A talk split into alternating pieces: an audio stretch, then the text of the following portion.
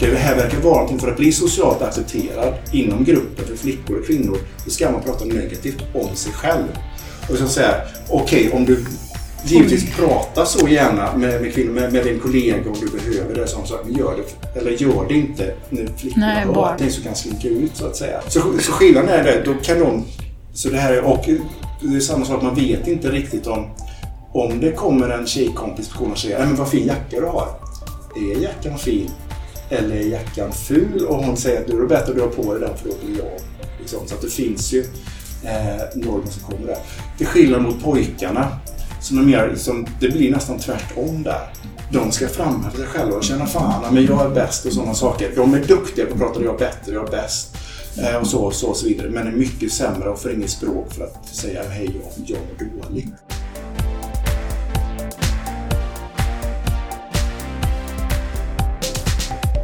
Du lyssnar på The Game Changers Podcast för en hållbar kropp, själ och planet med Jenny X Larsson och Jessica Isegran.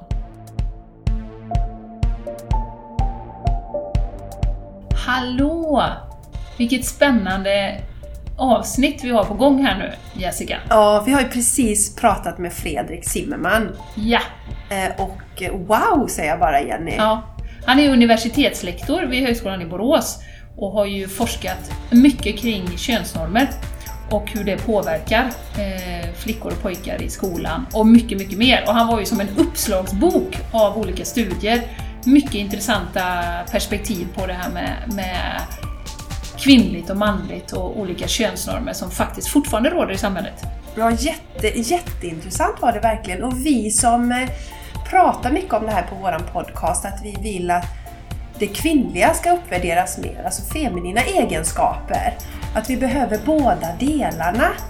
Det pratar han ju mycket om, att han ser det som en lösning på att eh, de problemen som vi har idag. Ja. Att vi som kvinnor till exempel ska vi behöver eh, höja våra ledaregenskaper men samtidigt behålla det här våra känsliga egenskaper och att vi tar hänsyn till andra. Ja. Och att pojkar då har bra ledaregenskaper men behöver skruva, skruva upp de här känsloegenskaperna mm. i sig. Omsorg bland annat. Mm. Så att eh, jätteglad att ni är med oss. Lyssna mm. hela vägen till slutet för det är så bra. Ja, jättespännande är det.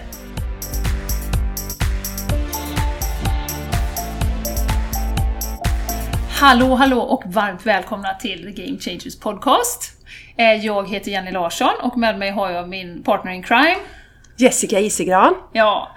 Eh, och vi har idag en jättespännande gäst med oss eh, som heter Fredrik Zimmerman. Och Fredrik han är universitetslektor mm. på Högskolan i Borås. Ja. Och har bedrivit jättespännande forskning kring maskulinitet bland annat könsnormer. Mm. Och det vet vi att du brinner jättemycket för. Och det är ju bakgrunden varför vi vill ha med dig här, för att vi tror ju att, att jämställdhet på lång sikt, eller att se på könen på, på ett likartat sätt, och egenskaper, är en sån viktig drivkraft för att skapa ett jämställt, hållbart samhälle. Mm. Eh, så att varmt välkommen Fredrik! Tack så hemskt mycket! Roligt att du vill ja, vara med! Jättespännande! Ja. Kul! Eh, och självklart måste vi inleda med att berätta, det kan ju vara vissa som lyssnar som vet vem du är, har full koll på det, men gärna börja bara ge lite bakgrund. Vem är du? Hur har du hamnat där du är idag? Vad är det som har lett upp till den här, den här positionen där du är nu? Um, jag har väl positionen jag är nu, ja. Ehm, men den stora grejen är väl att jag har gjort senaste åren har jag studerat om varför presterar pojkar generellt sämre i skolan än flickor.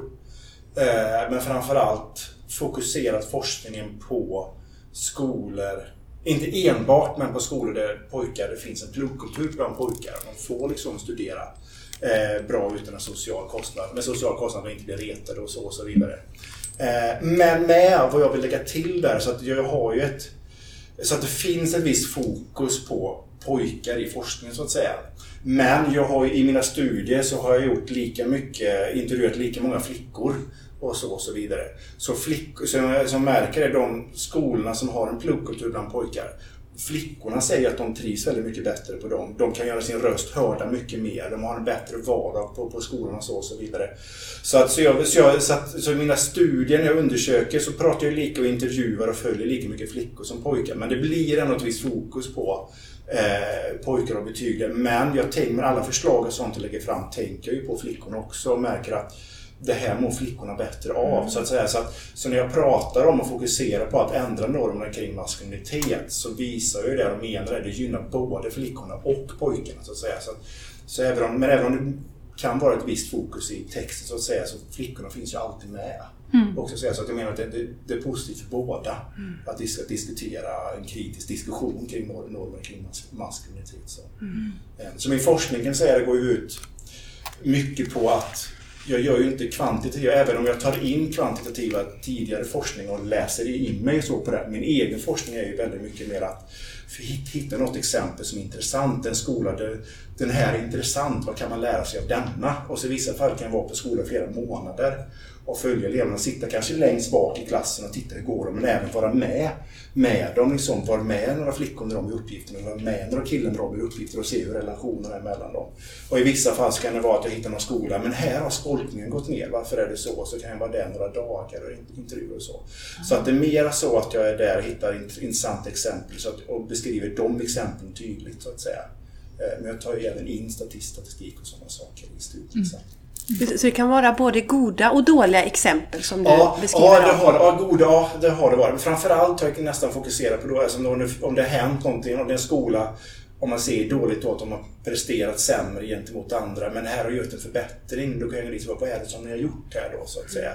Och då, då är det ju då, då är det kanske förbättringar, kanske inte så att de här killarna och tjejerna har blivit bäst men skolkningen har minskat och så. Vad är det ni gjort för att få ner skolkningen och så? Eh, som, som jag går in och kikar, och kikar på som, är, som jag tycker är intressant. Och, och vad kan man då dra för, lär, för, lär, för lärdomar av detta? Mm. Så att säga. Så, det, mm. så, så, så, så, så, det kan vara bra att veta liksom, alltså, att hur ska man tolka min forskning så att säga? Jag har gjort ett intressant exempel vilka lärdomar kan man dra av detta. Mm. Just det. Så. Och hur kommer det sig eh, då Fredrik, tycker jag, att, att det blev det här? Din personliga resa till att landa i den här forskningen just kring, kring det här med ungdomars syn på Ja, alltså det, det är ju på något sätt, jag, jag är sociolog mm. eh, som grunden. Eh, det vill säga psyk, psykolog är en person, sociologi är mera flera personer. Givetvis psykologer är socialpsykologi, men man möts någonstans i gruppen så att säga. Så sociologi handlar om vi drar det om mer sociala relationer. Vad är det för normer som bildas i de här relationerna? Mm. Och jag har alltid varit fokuserad mer om ungdomskultur och, eh, och eh, könsnormer så att säga. Och sen, sen har jag hamnat just just prestationer i skolan mot pojkar och så och, och relationer mellan normer och prestationer och syn på studier. Um, det är väl egentligen någonting att det alltid har det har inte hänt så, utan det är mer en fråga som ställs. Alltså det, det finns så många olika perspektiv på det. Hur flickar relationerna mellan pojkar och flickor, relationer mellan vuxna och pojkar och framförallt relationer mellan pojkarna själva. Så att det, som, det blir som en trojansk häst att gå in liksom i könsnormerna och kika, och kika på det. Mm. Eh, så att säga så. Och det kan man väl säga, just det jag tänkte lägga till med, med det här att jag har sett att de, de ger små framsteg så att säga. Då har man ju lite märkt att om en... Eh, det här gäller både pojkar och flickor, men det är oftare pojkarna så att säga då, som, som, eh, eh som har un, un, underkänt. Så, alltså, med under, alltså går ut grundskolan med underkänt betyg. Med underkänt så menar jag att man inte kan söka vidare.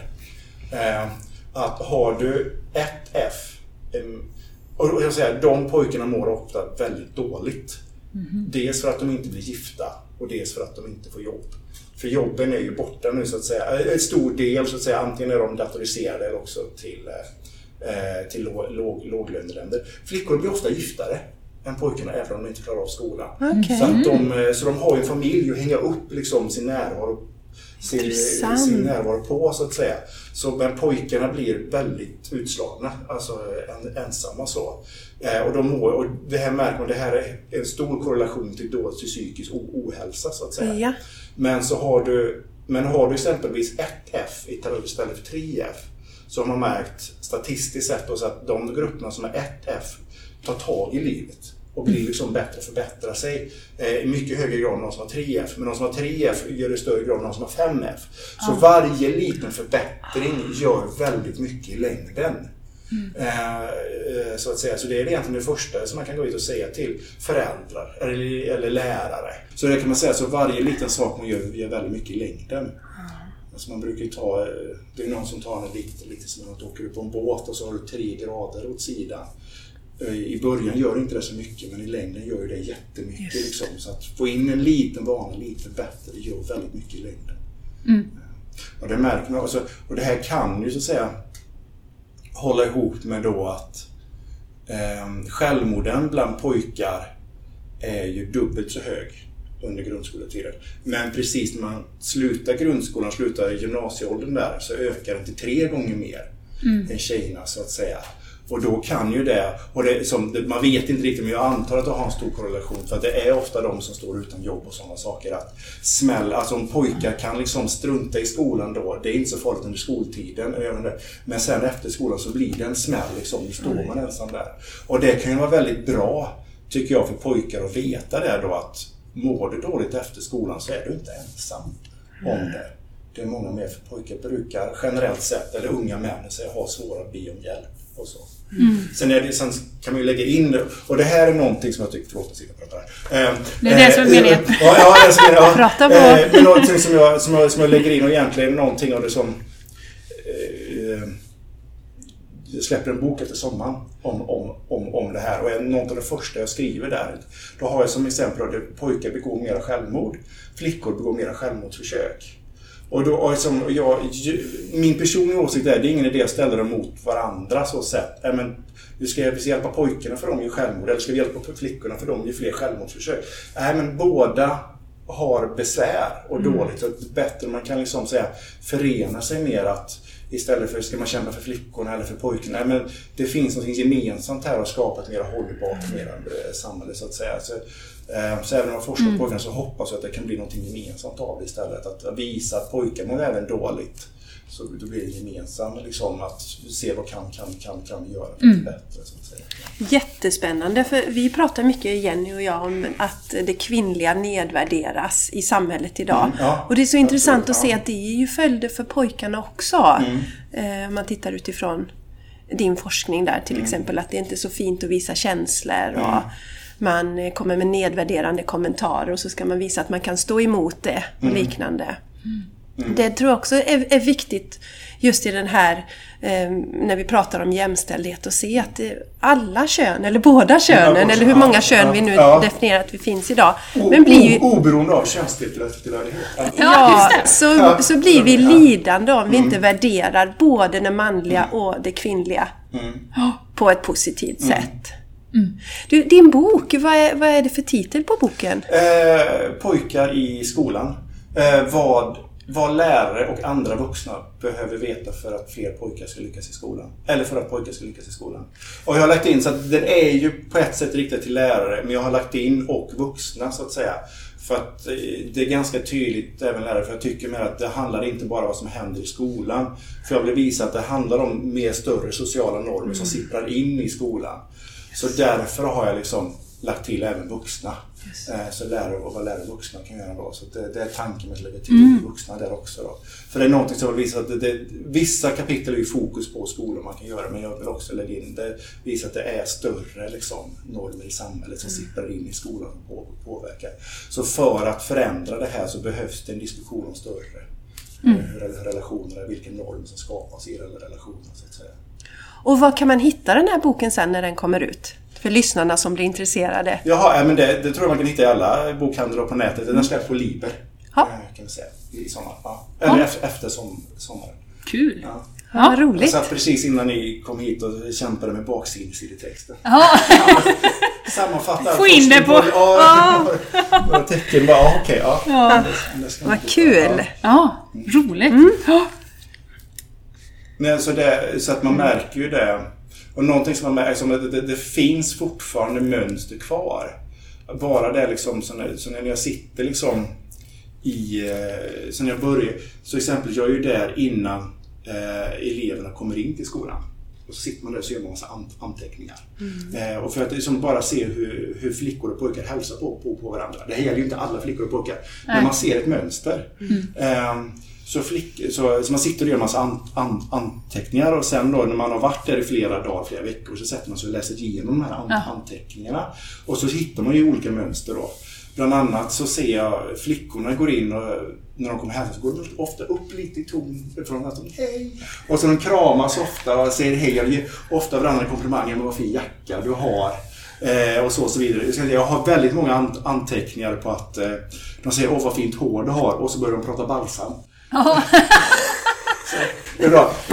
Poj, pojkarna när de, när de kommer och hälsar på, på varandra så är det oftare att de går ner lite i tonen. Så de, Hej! Så de hörs ju väldigt mycket mer och high five och sådana mm. saker. Och det märks, dels så blir det också tydligt att pojkar, det normaliseras hos dem att de ska synas i rummet. De tar tag, de går in i rum och de ändrar det om de vill göra saker i mycket högre grad än vad flick, flickorna gör så att säga.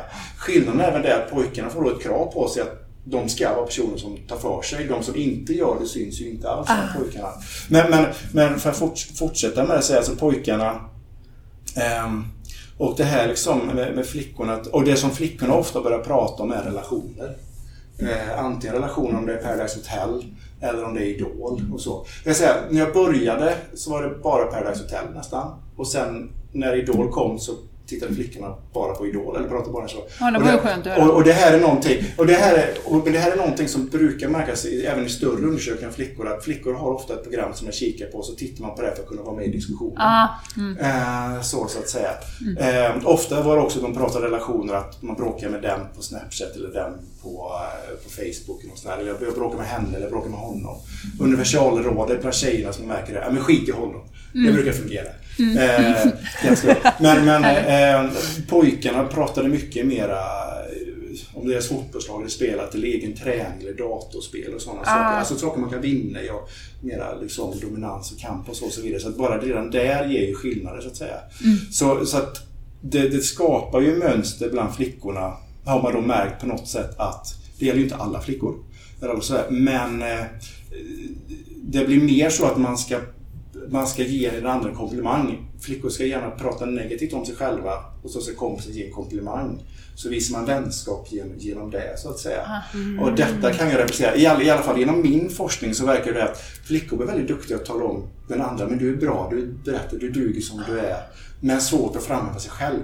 Att jag är duktig, jag är bra och så. Intressant. Um, och det har man ju även märkt på, and, på andra studier att det gäller inte alla flickor, men man har märkt det på skolor och så att de tjejerna som inte pratar negativt om sig själv ser de andra negativt på.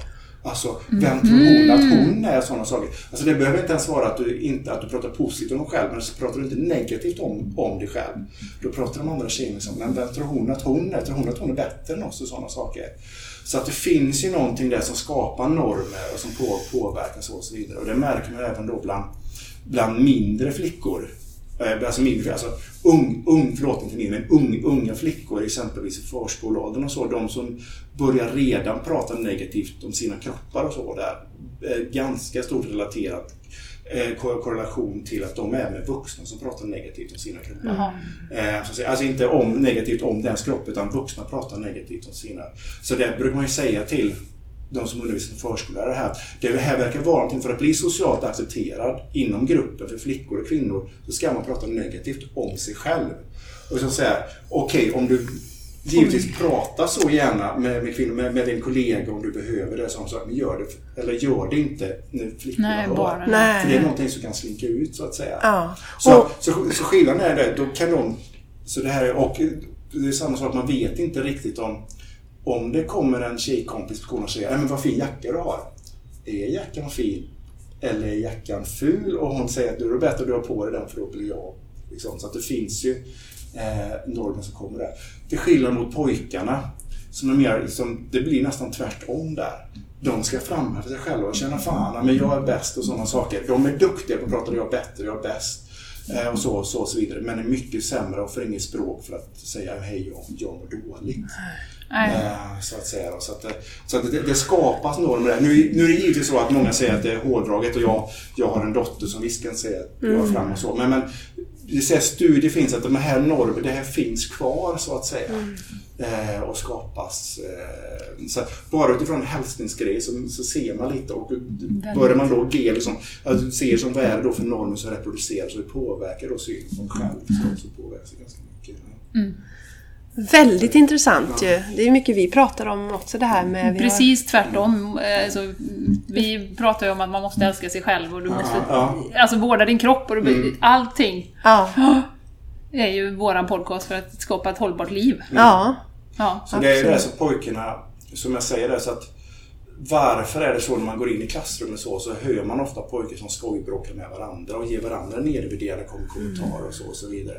Och då frågar man varför gör man det? Ja, men på samma sätt som flickorna kan ge varandra, visa, visa gemenskap och bli socialt accepterade genom att ge varandra komplimang, komplimanger så. Jag menar, Tio kan inte gå fram till William och säga "Ja, men William vilka snygga lår du har de jeansen. Nej. Det kan man inte göra. Nej, Men nej, nej. Tio kan, kan gå fram till William och säga men fy fan vad du ser ut i håret. Ja. Liksom. Och det, det gör man inte med vem som helst. Alltså Theo går inte fram till mig eller vem som helst och säger fan vad du ser ut. Utan det gör man bara med, komp med kompisar. Så pojkar, så det verkar vara någonting, märker man att det är någonting som reproducerar gemenskap mellan pojkar. Man kan liksom som, det- man bryter tabu med varandra och ger varandra nedvärderande kom- kommentarer och så. Och det har man märkt på brandstationer som bara har haft manliga personer. Man har märkt i handbollslag, i fotbollslag. Att det, det är någonting, det är så pojkar socialiseras så att säga. Ehm, och, och det, det, dels är det för att visa gemenskap, men dels är det den som säger mest skämt. Bäst skämt brukar också få högre social status. Ja. Men också ett sätt att om du inte bara kan ge en nedvärderande kommentar, du kan också ta emot en nedvärderande kommentar från någon annan. Då visar det också att jag som man, är men jag är tuff och tålig. Jag skiter klarar- klarar av det Ja, så att säga. ja. Jag skiter i det. Så jag. Men när jag har suttit, när jag och även andra så att säga, suttit och pratat själva med de här pojkarna. De kan nästan, vissa av pojkarna bryter nästan ihop väldigt ofta. För att de mår så dåligt av de här negativa kom- kommentarerna. Men det visar de ju inte för någon annan. Så det visar ju hur väl man kan spela. Alltså att bli accepterad som pojke, då behöver man spela ett visst spel. På samma sätt som flickor då, så att säga. Men, förlåt att bara lägga till där att oftast, som flesta killar känner, men vi retar varandra, det skadar ingenting. Det är ofta de killarna som har lägre status som mår dåligt. Kommer skämten från, från två killar på samma statusnivå, det gör det inte så ont. Men Nej. kommer skämtet från en kille med hög status som någon lägre, då gör det ont så att Ja. säga på den killen. Så jag har ju varit på skolor där man har sett att killarna som har lägre status och någon skojar med varandra så märks det då mår de inte dåligt. Men kommer det någon annan från en annan kille i sina kommentarer, då sjunker jag ner och inte ger någonting. Det gör liksom, och det här är någonting som jag märkt att det påverkar. De pojkar som har lägre status är ofta de som, inte, som skolkar och inte går in i klassrummet. Så det här är någonting som påverkar att inte gå in i klassrummet. Mm, mm, mm. Eh, så att säga.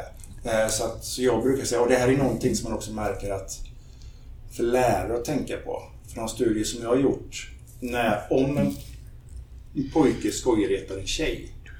Då går kvinnliga, eller- kvinnliga eller manliga lärare, då går de ofta in och säger nej, nej, så det gör man inte. Så det beter vi oss inte mot varandra. Och man skojar om en tjejs hår och sådär. Nej, nej, så det gör, gör man inte. Men om en kille skojar till en annan kille, då gör, då gör man ing- ingenting. Och, det, och när jag intervjuar killar, alltså man, man säger ibland, nej men nu stör ni, nu låter ni för mycket. Men inte så att eh, inte, så man inte beter sig så mot varandra.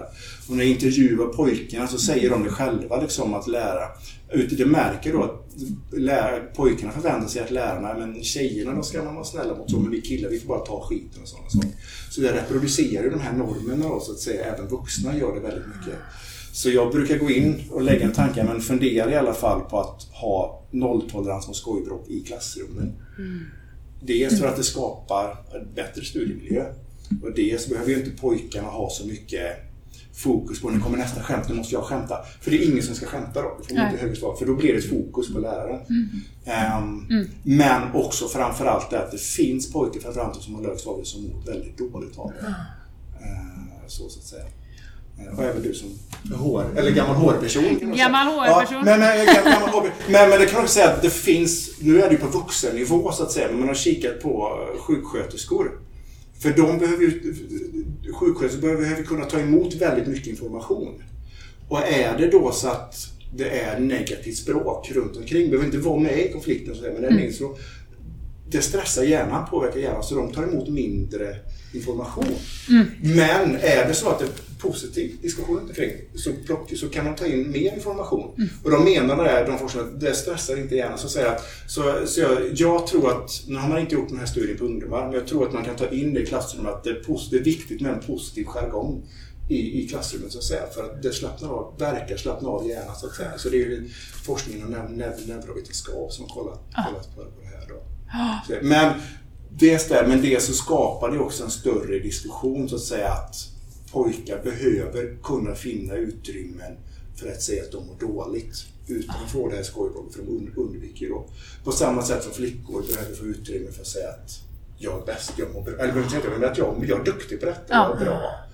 Och det har man märkt exempelvis inom eh, eh, forskning på exempelvis med flickscouten och sådana saker. Där det är väldigt tydliga kvinnliga ledare. Bland de flickorna är det mycket större grupp som säger att ja, det är klart att tjejer kan vara ledare. Det är väl inte konstigt. Så det visar hur mycket förebilder mm. eh, betyder och så, och så vidare. Mm. Har inte sett någonting, eller finns inte att det finns samma sätt på manliga förebilder så att säga. Man, mm. Mm. Att man får prata känslor och så. Som att eh, som jag satt och intervjuade de här 15 killarna, ibland så får man sen citat på ja tack för att du sa så här. Men det som är så här, bara för att man inte är tjej betyder, betyder, betyder inte det att man inte har, käns har käns känslor. Så att säga. Det och det, det är ju som alla bara, ja men jag håller med, ja, men det stämmer ju så. Vi är fostrade liksom på det sättet, säger de här 15 killarna då. Um, så det, så det, det visar sig att det normaliserats att tjejerna får prata så, men inte vi killar. Men jag menar att det finns en viss förskjutning här att killarna sitter och pratar om det så. De säger till mig att ja, men vi har känslor men vi visar dem inte. Tidigare har de sagt att jag, jag är man, jag behöver inte ha. Så där finns ju en förskjutning att de har en väldigt reflexiv eh, sätt att se på det och säga att hur är det, hur måste vi göra för att bli socialt accepterade och så. Så där tror jag finns en viss förskjutning, en viss mm. öppning för diskussioner så att säga. Mm. Att många killar är medvetna om det själv. Det, det är egentligen, det, jag måste erkänna, det är väl ett av de mest förvånande resultaten kände jag hur öppna killarna var att prata om att Nej, men vi har känslor, men jag mår dåligt av det här och så, men det visar jag inte. Och så. Men, men just att de pratar om det är ju en väldig öppning. Så. Det är jättespännande. Ja. Så, det, så det gäller bara att komma in Det är ett litet steg framåt. Ja, så det, det som är så viktigt med min forskning märker är att om jag bara sitter och pratar med någon då får jag inte ofta kontakt. Men är jag där i några veckor och man bygger upp en tillit och så, då, då kommer kom, kom, kom, mm. då kommer man under så att säga. Mm. Um, så det, så det, det, ja, det är spännande. Ja. Ja, vad roligt. Mm. Jättespännande. Hur kom det sig att det blev ungdomarnas maskulinitet som du fokuserade på? Ja, så jag, vet, jag, jag vet inte. Eh, men på något sätt så, så ungdomar är intressant nu bara gissar jag varför jag tycker det. Men alltså det, alla förändringar syns tydligt på något sätt. Så ungdomar så att säga. Det, det, det syns förändringarna ty, ty, tydligare som vad är det som kommer komma. Och det är som man säger att de här förskjutningarna säger, de syns ju tydligare bland ungdomarna, flick, flickorna och pojkarna och sådana saker. Jag gissar att det, det är därför jag tycker, tycker det är mest mm, in, in, intressant så att säga. Men det, men det, det, ja, jag har svårt att säga det. Det har blivit så. Men det, det har blivit så att jag tycker det är mest intressant. Ja. Men du, kan du inte berätta lite om eh, du, den här synen på könsroller och maskulinitet? Mm. Hur, hur, om du får berätta i stora drag, hur ser de på maskulinitet? Du har ju varit inne på det nu. Mm. Eh, lite grann, man får inte visa känslor och så mm. Finns det något mer där? Hur, hur, är, hur ser ungdomarna på maskuliniteten? Hur ska man vara som kille? Ja, alltså som... Om man, om man, först och främst en tanke. Mm. Eh, jag forskar om könsnormer. Mm. Eh, pratar man om könsroller så fastnar man ofta i att det finns en kvinnoroll och en mansroll. Så att mm. säga. Mm. Öppnar man och pratar om könsnormer, det är inte säkert att ni, att ni ska göra det, Nej. men bara som men man märker forskning, därför har man många övergett den. Det är att det finns väldigt stor variation inom gruppen flickor och en stor variation inom gruppen pojkar. Mm. Och den är svårt att att finna om man pratar om könsroller, för det finns det bara ofta en roll. Ja, pratar man om könsnormer då, då, finns det vissa dominerande normer med vissa andra normer så att det, yeah. finns, så att, så att, det finns en skillnad. Åh oh, förlåt, nu var det en teoretisk utveckling. Eh, Nej, det är lugnt. Ut, ut, ja. eh, men, men, bara det är liksom en, en, en, en, en, öppning för lyssnare som tänker på att hur stor variationen är inom gruppen flickor och hur stor variationen är inom gruppen pojkar. Mm. För finns det alternativ, då finns det möjlighet för förändring. Liksom alla män är inte sådär, eller alla pojkar är inte sådär, men vissa pojkar är så. Vissa. Så, att, eh, så, att, eh, så det, det känner jag det första som öpp, öppningen så att säga, för att, att visa att det finns alternativ inom flickorna, mm. eh, pojkarna. Men hur de ser på män? Ja, alltså en del är väl det som säger, säger att man, man säger att man ska vara känslig men sen inte vara det så att säga. Man ska liksom prata om att man ska, ska vara det, det, det är samma och så. Men alltså, som jag säger, i, i princip mannen eller i, i princip kvinnan så att säga. Att man är det i princip men inte är. Så att det, där finns en förskjutning.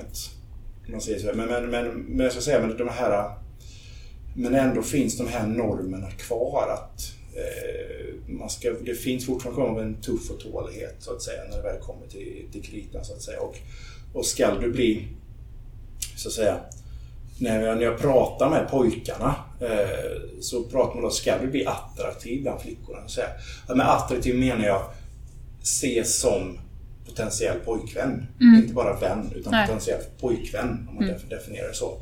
Eh, så menar sig då får man inte visa sig för känslig. Uh, då måste du liksom vara en person som, uh, som utmärker dig på något sätt och kan fram, framhäva dig.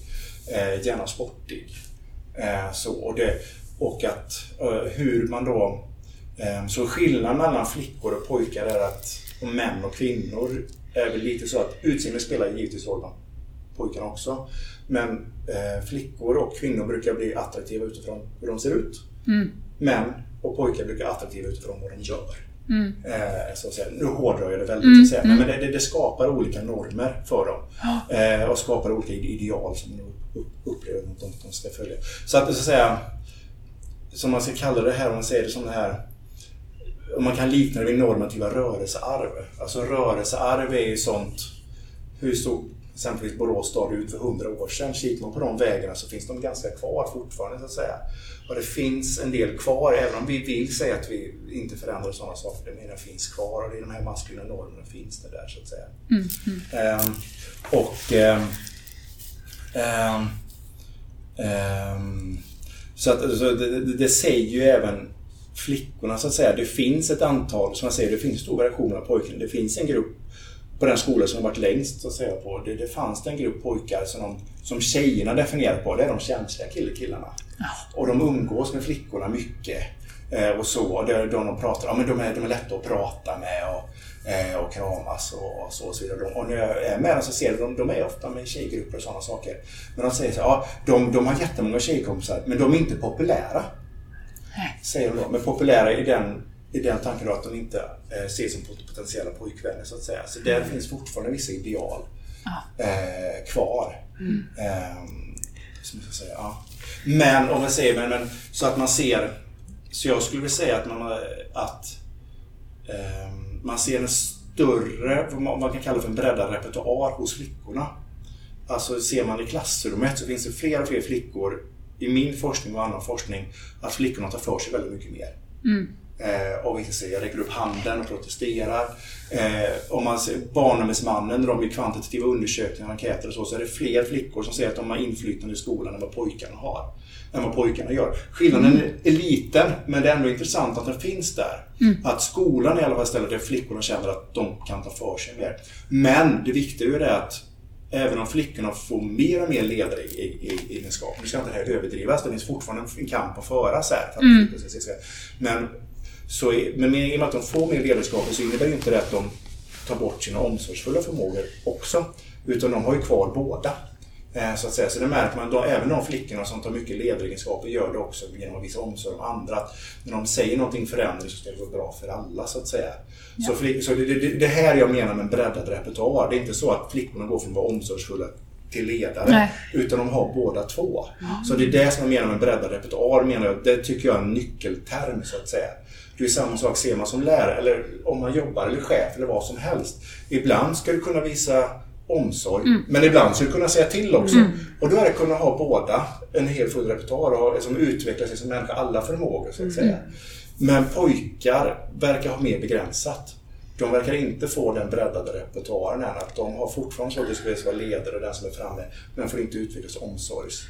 Så, nu, så jag kan väl säga där att en stor del som jag menar är att prata om att pojkar om, när vi, om vi just fokus på pojkarna som generellt sett att de behöver få ett språk för att prata mer omsorgsfullt och så. De menar ju inte att de ska gå från ledare till omsorg utan att ha bredda repertoar utan få båda så att säga. Så att de kan säga till när det behövs men vara omsorgsfull när det behövs. Så, att säga. så jag tror att en breddad repertoar tror jag är en nyckelterm så att säga, för att mm. fånga, fånga, fånga det här. Mm. Mm. Eh, Ja, eh, så. helt klart. Ja. Ja, vad spännande. Ja, det, det är ju som vi pratar om mycket i vår podcast, just det att vi vill, vi vill att vi ska respektera både de manliga och de kvinnliga egenskaperna. Ja. Får jag säga någon eh, som jag tycker är jätteintressant forskning om detta? Eh, Det är, vilken ledande fråga. Ja, men- Spännande sak. Nej, Ja, det går bra. Det, vill vi inte höra. Eh, nej, men det är pappor. Ja. Ehm, vad heter det? Om man ser på... Det här gäller inte lika mycket flickor men väldigt mycket pojkar. Pojkar gynnas... Alltså det är tydligare bland pojkar. Eh, behöver, pojkar gynnas väldigt mycket av i skolan och eh, aggression och sociala relationer att de har en eh, aktiv pappa. Ehm, så att säga. Alltså inte bara att de har en pappa, har en pappa som alkoholiserad och sådana saker, då är det sämre. Men att de har en aktiv pappa. En som eh, sätter liksom ramar, liksom, så här, nu måste jag göra läxan, men också ger kramar. Alltså en Ah. pappa är med och pratar relationer, som är med eh, liksom, i, i om, omsorgen så att säga. Ehm, och det tror man mera på att det ger en förebild för pojken. Alltså en pojke som växer upp utan pappa får en mera eh, eh, vad man säger, förenklad bild av mannen. Då, då får den en förenklad bild att man ska vara tuff och hård. Och Mer stereotyp. Ja, mer stereotypa bilden av Mm, mannen. Så får den att se en pappa eh, som visar att den kan vara det där och bestämma liksom. Men även visa omsorg om familjen. Jaha, då får den en breddad syn Ja. på, på liksom, eh, familjer. Det är till och med så att har du en pappa som har dött eh, i låg ålder, alltså, man har levt med pappa med 7, 8, 9, 10 år och den har dött så att säga. Men hände och sett då att pappan tog oms omsorg om familjen eh, så brukar den pojken lyckas bättre än den som lever med en pappa som är aggressiv och dum så att säga. Så att en aktiv pappa, en död aktiv pappa är bättre Aha. än en pappa som, som förebild. Jag kan säga, det här är amerikansk forskning, så det är inte gjort i Sverige. Nej, Det amerikansk forskning. Ja. Men det är ändå väldigt spännande. Men man har märkt att eh, statistiskt sett så eh, den, det de döda pappor så det är amerikanskt ord, men, men, men pojkar mår bättre med pappor. Ja. Så att säga. Ja. Och man har märkt där då, som jag säger med neurovetenskaplig forskning också, att pappor, när de är pappor och är du en aktiv pappa, då utvecklar du de här delarna i hjärnan också då, som visar eh, omsorg och så och så vidare. Så att man menar är att du, du utvecklar fler delar och så att inte bara ha den här. Så, så pappor får en breddad repertoar och mår ofta då bättre i längden så att säga för att de får en breddad rep- repertoar. Så att, att, det, så att eh, pa- pappa, pappor tar mer akt, aktiv så att säga med, med sina söner, givetvis med sina döttrar också. Men, men, men statistiskt sett så är det ty, tydligare med sönerna är, är jätteviktigt att säga. Men både pappan och sonen mår, mår, bättre, mår bättre av det så att säga. Så Ja. det, det tycker jag är jätte, jättespännande resultat. Ja, vad bra. Så- Men det, det kan vi ju länka till sen. Vi kan ju fråga dig vilken forskning det är. Så kan Ja. vi, för vi har ju sådana show notes också där vi Ja, länkar till ja. eh, olika eh, saker som vi pratar om. Då. Eh, bra. Du, Jag tar eh, även upp den här boken. Ja, du gör det i Ja, ja, boken. ja. vad bra. Boken ska vi länka till Ja, också. jajamän. sen. Ja. Den länkar vi till också. Eh, Om det, om det är lättare. Jag, jag, så jag säger det för om det kan vara lättare att läsa den, för den, den är ju mera förenklad som än att sitta och läsa sig igenom de här forskningsartiklarna så att säga. Ja. Lite tufft att läsa. Ja. ja, det kan vara. Ja, vi, vi har ju pratat om skolmiljön och ungdomarna och vi har en fundering kring det då att flickor presterar ju bättre i skolan. Men när det kommer till högre positioner i näringslivet och lönemässigt så dominerar fortfarande männen. Vad är dina tankar kring detta? Ja, det, det finns ju en läckande, läckande rör. Man säga så. Ju högre upp man kommer desto mera eh, försvinner eh, flickorna. Dels så förhoppningsvis beror det väl på eh, Förhoppningsvis ska den här minska efter tiden. Att könsdamen har förändrat nu. Nu är det fler flickor eh, och kvinnor eh, som tar tag i det. Eller inte tar tag i det, förlåt. Ta bort det. Ta bort det. Kross. Ja, ta bort det. Nej, men så, nej, men det, det, det, det finns fler flickor som säger att de har en breddad repertoar. Så att säga. De tar som, sig, som liksom. ser sig Ja. själv som, led, som ledare i, i, i egenskaper. Det, alltså, det finns en viss stereotypaktivering. Med stereotypaktivering så innebär det att man ser sig själv som sämre på grund av de stereotyper som finns på könet. Att Ja. det, det finns fler kvinnor som, de är inte sämre som ledare, men de kan se sig själva sämre. Ja. Kvinnor ska inte. Alltså man säger, det finns fortfarande någon och med flera förebilder så kommer det förändras, Ja. som jag sa. Så jag hoppas att det kommer förändras. Så det tror jag är en del av det. Att eh, det är inte samma givet att, att, att kvinnor. Sedan så är det väl Eh, den stora skillnaden rent statistiskt, sen finns det också en dis- diskriminering när man gör könsöverskridande hand, hand, handlingar så att säga. Kvinnor som går till traditionellt manliga jobb så att säga blir diskriminerade eh, till viss del. Eh, men även män som går till exempelvis till eh, traditionellt kvinn, kvinnliga jobb blir dis- diskriminerade. Om man säger män som går över till förskollärare. En av de största man gjort, de som slutar där, man gör undersökningar på dem. En av de främsta orsakerna som de nämner är att eh, personalen ser mig som sämre för att jag är man. Eh, så att säga. Så att det handlar om de som gör, men män så att säga Män har ju ofta haft en maktposition så att säga och det är kvinnor som rör det könsöverskridande till maktpositioner så att säga. Så det finns också en diskriminering. Sen ser man rent om jag har tolkat och läser förstår statistiken rätt, den stora skillnaden mellan män och kvinnor skulle kunna sägas att, förutom vi, givetvis inte diskrimineringen, men den största skulle jag säga att det är skillnaden mellan mamma och pappor. Att det fortfarande är så att mammor tar hand om barnen i större utsträckning. Och här kommer man efter eh, i jobbet. Så, så vill man göra en, så skulle man göra den, den det är inte hela förklaringen, absolut inte. Det finns diskriminering och sådana saker, men ska man göra en större grej där, då är det ju att så att säga få ihop att, att det blir mer jämställt i hemmet och ta hand, ta hand om barnen. För det tror man märker att rent statistiskt så är den stora skill- skillnaden ham- hamnar när man blir förälder. Och kvinnan fortfarande tar hand om barnet. Eh, barn, barn, barnen mer så att säga. Eh, och det är också, alltså, om vi ser på advokater. Eh, det är ju oerhört många, viss, vissa fall som advokatfirmor som söker liksom in praktikanter och sådana saker. Det är nästan bara kvinnor de tar in. Eh, men kvinnorna, när man har gjort undersökningar så, då hamnar de hellre att de blir, eh, ursäkta om jag säger fel, men de, de blir, om de blir eh, domstolschefer eller domare på något sätt. För att de säger att det är mera flexibla arbetstider. För det passar med barnen.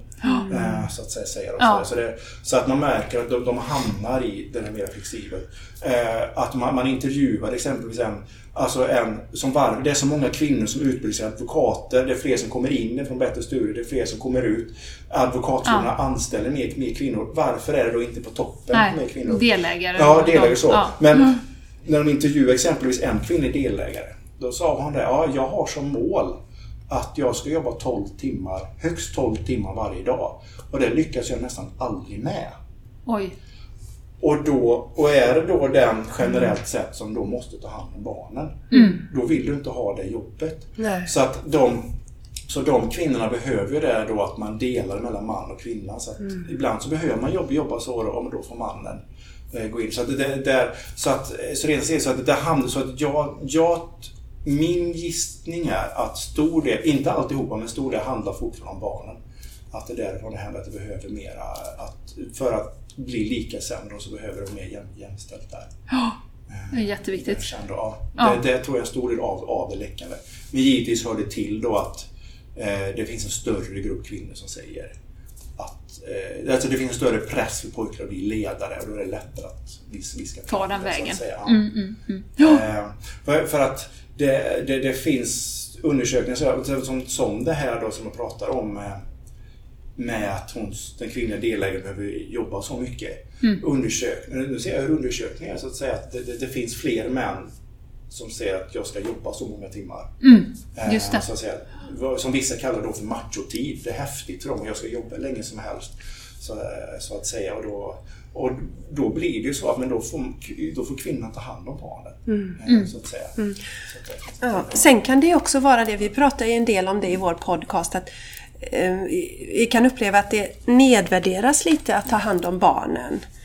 Eh, för att det är traditionellt kvinnogöra så att säga. Men också att uppvärdera det.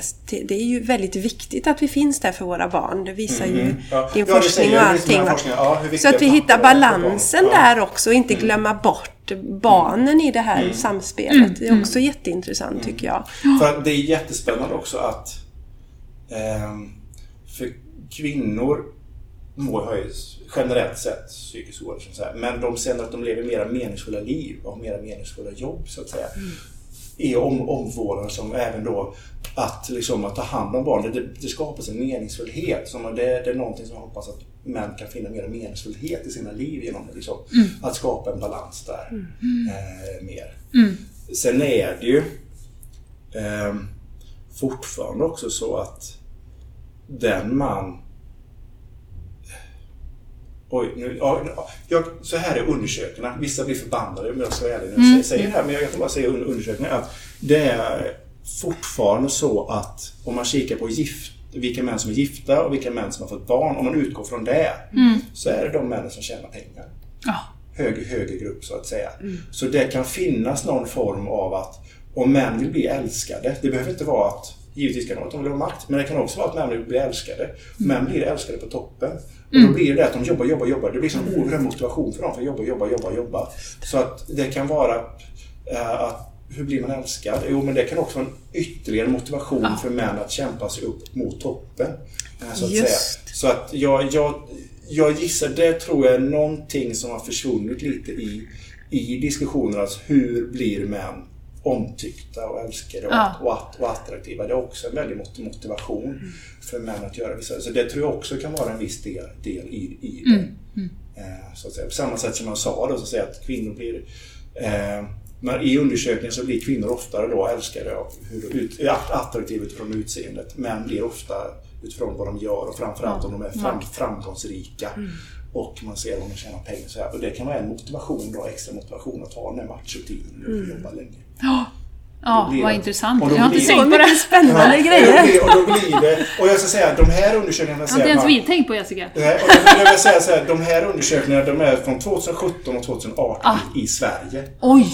De, de, de, Så det är inte de- 50-talet? Nej, det är liksom? inte 50 Nej. de, de har kikat på män i Sverige, så att säga. De, alltså, de har artiklar om det o, ojämlika faderskapet, så att säga.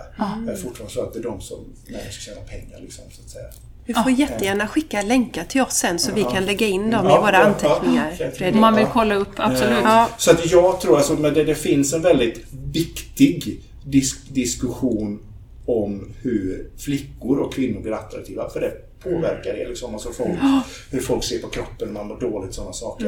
Men jag skulle egentligen också behöva samma, för att om vi vill verkligen nå jämställdhet så tror jag att vi behöver samma diskussion. Hur blir män älskade? Hur blir män attraktiva? För att ifrågasätta normerna så att säga.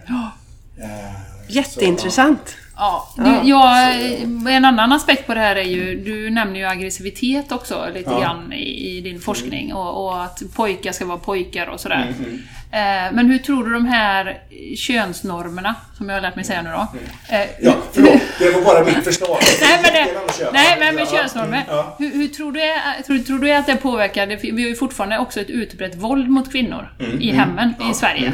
Eh, mycket större än vad vi vill erkänna. Ja. Eh, jag har själv gått in och jobbat som volontär på kvinnojourer nu och det har ju blivit som en... Eh, alltså man tror ju inte det existerar, Nej. men det är så utbrett.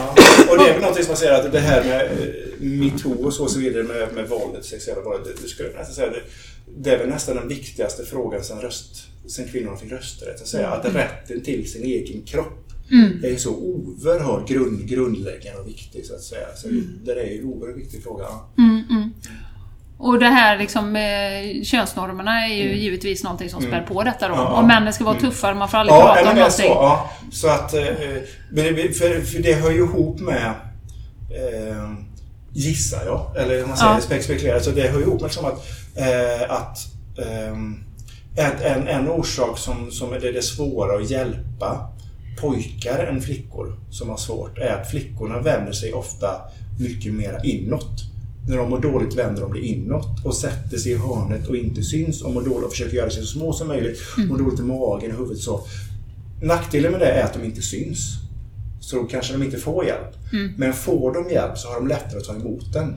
Och säger som Hej, du mår du dåligt? Vill du hjälp? Ja, jag mår dåligt. Så kan de tala om varför de mår dåligt. Pojkarna är mer utåtagerande. Och fördelen med det är att de syns. Men de har svårare att ta emot hjälpen. För när man hjälper, det märker jag liksom, även i min forskning och annan forskning också, att de reagerar väldigt mycket mer aggressivt. Och inte så att de behöver slå, men de blir röda. Alltså, vad fan sätter du press på Vad så, Jävla gubbe, varför tjatar du på mig? Och sådana saker. Så de har svårt att ta emot. Och det, så vissa har ju skrivit där liksom att det måste man eh, för att pojkar ska bli bättre på att kunna ta emot hjälpen, det måste börja som liten kille så att säga. Och ge dem språket och förståelse och hjälpa dem till ord. Och det tror jag också är något, alltså, alltså de mest stereotypa männen de har liksom en känslomässig tunnel. Så de känner sig accepterat. De mår dåligt och allting. Men det enda som de känner accepterat för de att få ut sina känslor det är ag- aggressivitet. Så det är någonting så att jag säger där liksom att Någonting man skulle kunna skulle behöva förändra det är ju att man utvecklar, alltså vuxna pratar med mer utvecklat språk till flickor vad de gör med pojkar. Skulle man prata med mer utvecklat språk till pojkar så skulle de ju, pojkarna klara sig bättre i skolan. Men jag tror det skulle gynna flickorna också. Att skulle de kunna få en pojke som är bättre på att formulera sig och tala om hur han känner så tror jag det skulle gynna flickorna också. Och det tror jag Helt hänger, klart. ihop med det här med våldet. Det är inte hela lösningen, men jag tror att det är någonting i det. Eh, Så här, en mening som fungerar väldigt bra för mig, när jag, nu har jag ju framförallt intervjuat 15-åriga pojkar som jag tror att det gäller alla nivåer, eller alla åldrar. eh, Så att säga. Det är meningen. Om det hände mig, då skulle jag känna, känna, känna, känna mig. Exempelvis är det en kille och är det, är det ett killgäng på fyra personer så är det tre killar som går, går iväg. Och så går man och pratar med killen. Då säger han ofta objektivt så här. Ja, men jag var med dem och så gick de iväg. Då säger jag, jaha okej. Om mina vänner skulle gå ifrån så, då skulle jag känna mig ledsen. Eller då skulle jag, skulle jag känna mig över, över, övergiven. Och säger man ofta så, då säger man, jaha, en vuxen som förstår mig. Då kan han börja prata. Dels så, så visar det, om det hände mig och så säger man vad som har hänt. Då visar man att man har förstått vad som har hänt. Då skulle jag känna mig. Då sätter man ju ord på vad som har hänt och lär personen känna, känna ord så att säga. Om jag säger den meningen, då brukar pojkarna börja prata väldigt Ja. mycket med mig. Flickan. Så, så det är en mening som hjälper mig väldigt mycket. Och även, även om jag är yngre. Liksom, det är ett sätt att starta, ett sätt att, liksom, att hjälpa pojkar att sätta ord på, på känslor. Det funkar ju även med flick- flickor också så att säga. För på något sätt har vi ju, har vi har ju gett flickorna ett känslospråk från början. ja. Och att kopiera det och använda det på samma sätt på pojkarna. Fast det kanske inte funkar eftersom man funkar li- lite olika. Men det är ju intressant för att vi flickor har ju inte fått det här eh, gratis heller. Eh, att kunna prata känslor. Nej. Utan vi har ju bemötts på ett sätt som gör att vi har utvecklat det. Ja. Och då är det intressant att använda det också. Och det är som jag säger, det finns Språket positiva saker pojkarna. med det och det finns neg- negativa saker med det. Just därför en breddad repertoar. Liksom. Att man, man kan ta det positiva av det. Liksom. Att kunna använda det. Ja. Du är ju inne på konkreta förslag här nu. Ja. Fredrik. Ja, så vi, vi har en, en fråga, den är väldigt bra för alla papper och vuxna och, och, och lärare och allting. Men, och det har du säkert, nu skriver du en bok kring detta. Men vad är det om du får ta liksom sammanfattningen av hur vi kan arbeta framåt för att förändra de här könsnormerna då? Vad, vad är det konkret vi kan göra som vuxna i vardagen så att säga? Både som föräldrar då och Ja. skolpersonal. Oj.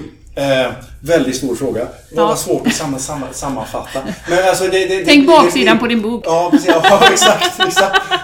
Du var inte klar med den ännu. Nej, men- nej, men alltså, jag, jag tror på något sätt någonting som jag talat om det här Mm. innan. Alltså, jag tror att var inte rädda för att skapa en eh, breddad repertoar. Så, Alltså, för, ser man på pojkar så tror jag man ska utgå väldigt mycket från att pojkar vill bli det visar min forskning framförallt, att utgå från att pojkar vill bli socialt accepterade. De vill bli omtyckta. Och så tänker jag, på vilket sätt tycker vi om dem? Ja, vi ty tycker vi om dem och visar uppskattning när de gör vissa, eh, vissa saker då, ja men då, då är det det de kommer, kommer göra. Om vi inte siktar på dem med de andra på samma sätt som de säger, så bara för att man inte är tjej betyder inte att man inte har känslor. Men vi har lärt oss göra en viss sak. Och, med det, det viktiga är att säga att jag vill ha en breddad repertoar, att de ska givetvis ha kvar sina ledarskap. På samma sätt som flickorna då ska bredda sin repertoar så behöver man... Så jag tror väl mer det att att, att, att, att prata om en, en, att skapa en breddad repertoar hos båda könen. Eller hos alla människor. Alltså alla människor har de här förmågorna.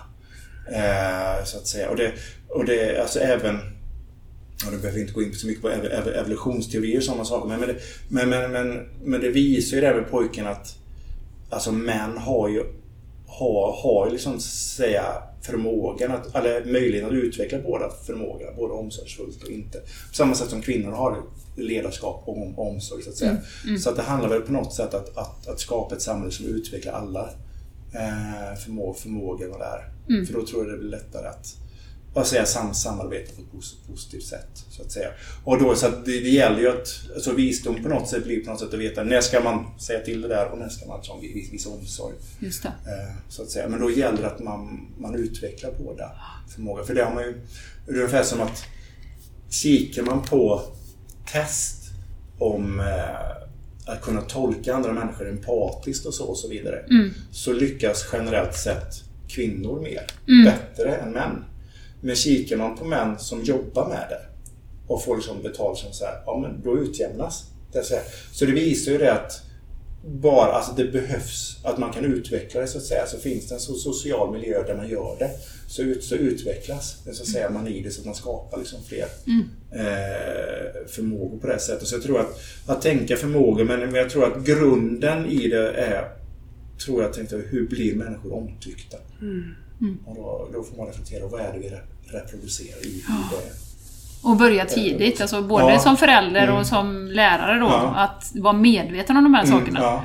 Och det är ju det som är våran käpphäst också Jessica, att medvetenhet. För, för, många gånger är vi ju inte ens medvetna om att vi gör det. Nej, nej. Det är ju det som är, vi säger ja vi är så jämställda och liksom mm. Sverige är toppen. Det, det, det, vi behöver inte göra någonting, vi nej. kan luta oss tillbaka. Det är vår största fara som mm. jag ser det, att vi tror att vi... Mm, och så går vi och reproducerar och reproducerar. Så att, ja, det är det. Men det, det, det är också svårt att se det själv. Så att det, det men, men så, det, det är ju det viktiga att vara, vara öppen med det också. För det är ju någonting en av de stora protesterna är att vi är ju så jämställda. Mm. Ja, men det finns fortfarande normer kvar och vara öppen för det och föra en diskussion kring det. Att ha det här på poddar. Alltså. Ja, ha det på poddar och göra forskning som du gör. Ja, ja. Det är jättepositivt. Ja, tycker jag med. Ja, eh, vi ser att eh, tiden börjar rinna så vi får ja, det, fokusera det lite. går fort när man har roligt. Ja, ja. vi får fokusera nu. lite på dig Fredrik här. Vem eh, eller vilka inspirerar dig? Eh, I det här? Ja, du, eller? ja, i din forskning och även i ditt privata. Alltså vad inspirerar dig? Vilka eh, personer inspirerar dig? Ja, det, det, första jag kommer tänka på är min fru. Eh, som har gått, som är jäkligt tuff. Eh, så, hon är ju från, född i Libanon så att säga. Mm. Och, eh, blivit, kom hit som ung så att säga men är vägkörd igen till Libanon. De tog ifrån henne pass. Nu ska Oj. du, ska du gift, gifta sig här och så. Så säga, men kämpa sig tillbaka till som ung tjej till Sverige, då, så säger när jag ska gå här i skolan och så vidare. Nu ska jag inte dra hela den mm. personen så men, men, men, men jag kan säga det, det är en så, så pratar vi jämställdhet så pratar vi, det här är sånt, alltså det är någon som jag beundrar mycket från början som gjort och sådana saker. Ja. Så det, det är jättespännande en person att diskutera med. Så, så det är någonstans där. Ja. Ett jättefint svar. Ja, vad roligt. Ja. Ja, roligt för att det, ja, det visar ju att vilja kan ju ta en väldigt långt ja, också. Och driv och motivation. Och, det, man behöver inte vara fast i sina eh, roller, som vi säger. Mm. Eh, bra! Du, eh, vår podd handlar ju om att skapa ett hållbart samhälle. Har du några bra tips för att skapa en hållbar vardag? För du har ju ganska hög press, det, det eh. Hur, hur, är du själv på liksom att Nej men av, avmåstifiera. Ja, bra. Bra ord. Ja, jättebra ord. Nej men eh, så, det, det är väl liksom att av, avmåste, alltså, alltså ta bort så många måsten som möjligt. Och mm. se vilka måsten behöver jag. Okej, okay, men det här måste jag göra. Mår jag dåligt av det här? Nej men då gör, gör inte det då så att säga. Jag tror inte, alltså jag är inte med på Facebook och sociala medier. Det är inte så att jag har någonting emot det. Vissa mår jättebra av det. Och det är vissa som din forskning kommer fram mycket mer och du säljer mycket böcker och mer så här. Nej, men jag, jag, vet, så jag, jag märkte ju det Alltså när jag släppte exempelvis min av, avhandling och så blev man intervjuad och så man bara på vissa hemsidor som lades upp där. Och så, åh men nu, nu, nu är jag den största nyheten och hur många klick har jag fått där? Så började jag började tänka så, sen tänkte jag, nej men fan. Det var ju så här jag inte ville vara. Det här, det här mår jag inte bra av. Nej. Så fick jag liksom stänga av. Mm. Eh, liksom, så därför så att det handlar väl att försöka göra, alltså mår jag dåligt, eh, men försöka göra val som möjligt som man mår bra av, så att säga. Ja. Eh, och fokusera så mycket som möjligt på på det, så att säga. Vad man tycker är roligt. Som jag, många tycker det är konstigt, jag går på oerhört mycket konserter. Ja. Eh, och så liksom, går det på någon i månaden, jag går på någon i år, om halvåret, men går på några i månader. Och jag säger liksom, det är någonting som är mig, mig energi som man mår väldigt, väldigt bra av och, Mm. och så vidare. Sen är det givetvis allting med att röra på sig. Ja. Eh, men samma sak som jag säger att det, det som ger mig meningsfullhet är ju familjen så att säga. Mm. Så man kan känna om man, man fått massa kritik, om man skriver någonting och fått massa kritik. Så kan man gå hem och, gå hem och fråga Är jag okej? Är jag okej pappa? Ja, du är bra. Ja, men då är det bra. Det är det. Nej, men det, det är det som Ja. är det, vik- det viktigaste. Ja. Eh, så att säga. Eh, så det är väl en, på något sätt något där som jag har försökt leva, leva efter att att ta bort så mycket som möjligt och bara ha kvar så mycket som möjligt som jag tycker om att göra. Sen finns det vissa måste man måste göra, men då måste du hitta dem att det här är verkligen måste. Mm. Mår jag dåligt av någonting, men vi göra. Det låter som han har lyssnat på The Game Changers Ja, podcast. det passar rakt in där. Nej, men det är väldigt bra, för att det är ju så att vi i Sverige och västvärlden, vi blir ju förlorade i jobbet många gånger. Mm, Och, som man är. och sen när du ställer någon mot väggen och frågar vad är det som är viktigast i livet? Ja, men då är det familjen. Men, Så- du- så att ha den in- distansen, Ja, mm, men som du har. du- men då, in, då in, det innebär ju dock så att säga, då är inte jag den personen som jobbar 14, 14 timmar. Nej, Det exakt. ska ju erkännas. Det finns vissa här som går snabbare i kar- karriären Ja, ja. än, än med så att säga. Men jag, men jag vet det, men jag, jag bättre av att, lägga- att ha en balans Ja. där. Att ha några, några ben, intressen, familjen och, och liksom ha som mig själv. Eller som, och, jobb, och, jobb, och jobbet då så att säga. Mm. Det låter som du har breddat din eh, repertoar Ja, där. ja, ja, men, ja, men precis så. Ja. Det är det man försöker göra. Ja. Ja, fantastiskt.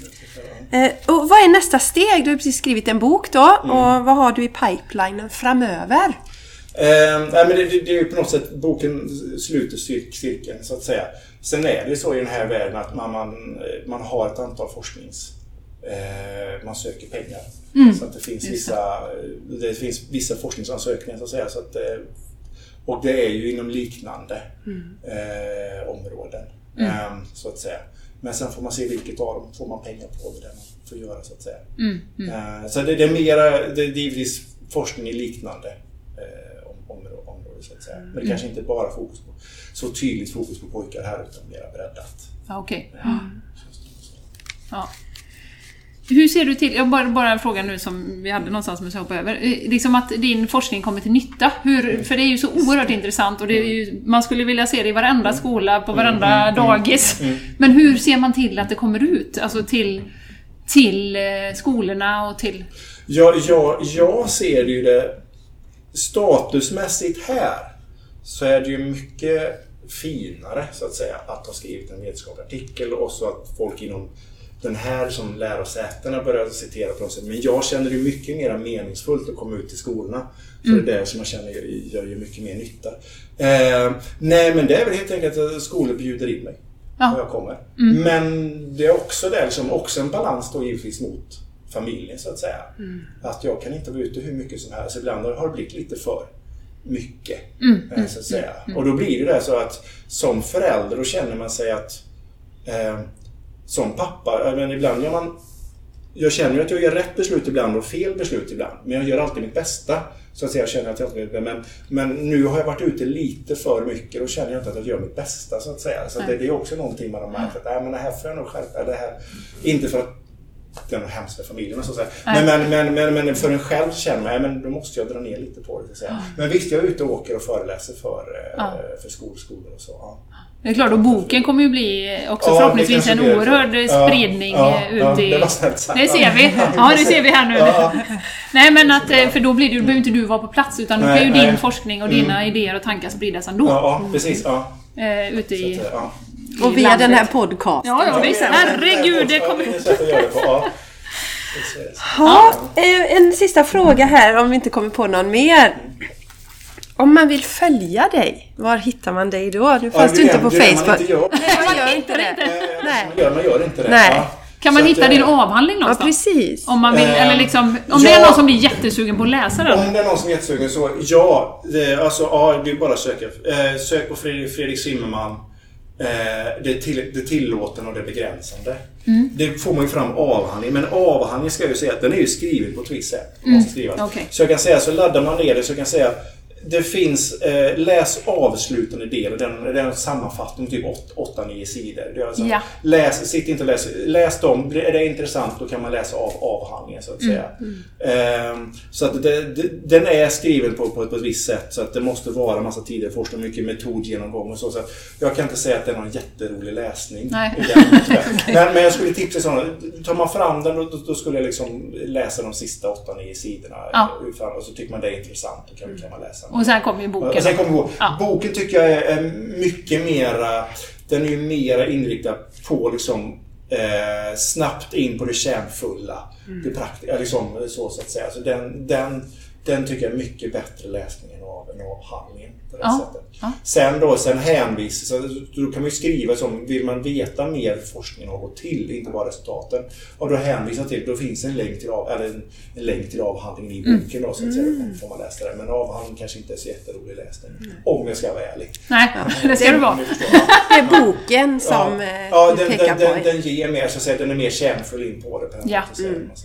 Och så vill man, man kan googla ditt namn också. Då hittar man lite intervjuer i Expressen va? och Ja, det var någon och i sådär. press, men eh, någon, eh, ja. ja. Ja. Det kommer ju upp lite kort om din, Ja, din skol, forskning. skol, skol, skol, skolministeriet på P1 var en ganska Ah, upp- uppskattad in- intervju också. Ja, ah, vad bra. Skolministeriet. Mm. Ja. Jättebra. Superbra! Alltså tiden går ju så jävla fort. Ja. Ja, som sagt, Jag har suttit en timme här nu. Ska, ska åka och hämta, hämta sonen. Ja, sagt. det är viktigt. Ja. Prioritera... Familjen, ja. Precis. Det var jätteroligt att prata med dig Fredrik. Fantastiskt intressant. Tusen tack! Ja. Tusen tack. Och vi hör av oss till dig när det kommer ut det här och så, så du vet var du kan hitta det och så. Ja, det är bra. Ja, tack för idag Fredrik! Ja, Tack så mycket. Tack så mycket. Tack. Hej.